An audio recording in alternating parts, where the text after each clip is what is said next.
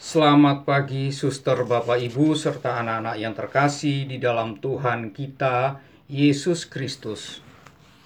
Marilah, sebelum kita beraktivitas pada hari ini, kita mendengarkan firman Tuhan sebagai pedoman kita agar segala aktivitas atau kegiatan kita hari ini diberkati oleh Tuhan.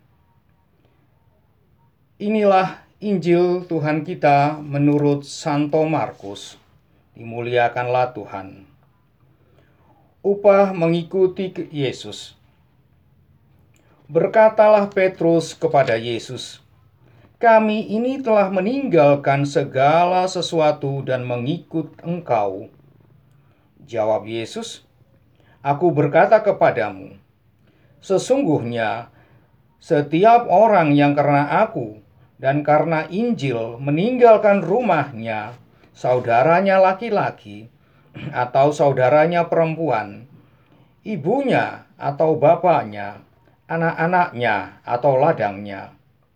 Orang itu sekarang pada masa ini juga akan menerima kembali seratus kali lipat rumah, saudara laki-laki, saudara perempuan, ibu, anak-anak, anak, dan ladang, sekalipun disertai berbagai penganiayaan pada zaman yang akan datang.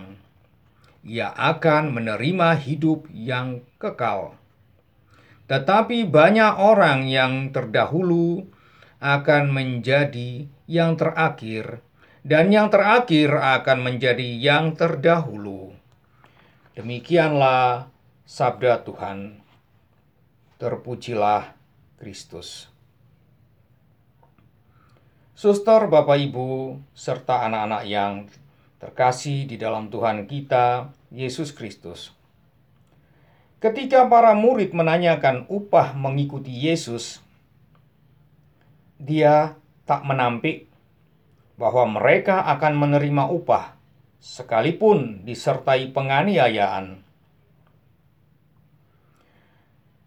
Bicara penganiayaan, rasanya sedikit orang yang spontan mengiyakan kalau tawaran diberikan.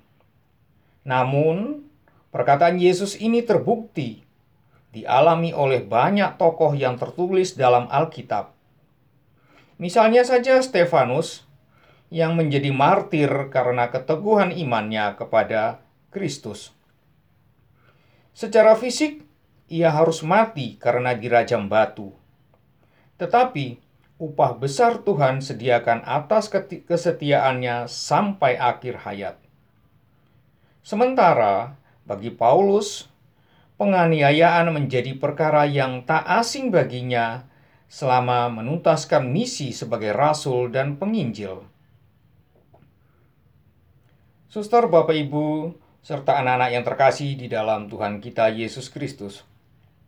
Mengikut Yesus tak pernah mudah, terutama ketika bergerak dalam pelayanan, misi, penginjilan, atau dalam kehidupan kita sehari-hari yang dapat membawa jiwa-jiwa kepada Kristus dan diselamatkan.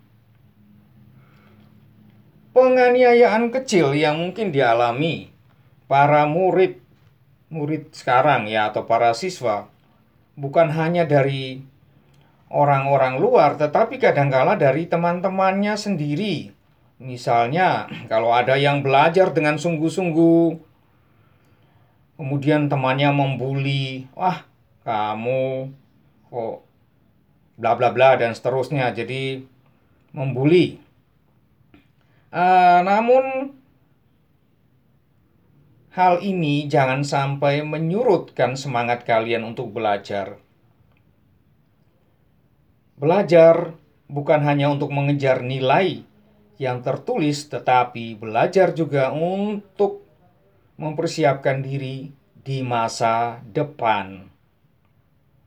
Apa pun yang terjadi, apa pun resikonya, dibully teman, tetapi upah yang akan diperoleh akan sebanding dengan persiapanmu saat ini. Marilah kita berdoa. Allah Bapa yang Maha Kasih, kami mengucap syukur kepadamu Tuhan karena firman-Mu hari ini menguatkan kami bahwa upah kami di masa depan adalah sangat sesuai dengan apa yang kami lakukan saat ini. Jika kami belajar sungguh-sungguh, maka hasilnya pun tidak akan mengkhianati. Amin. Dalam nama Bapa dan Putra dan Roh Kudus. Amin.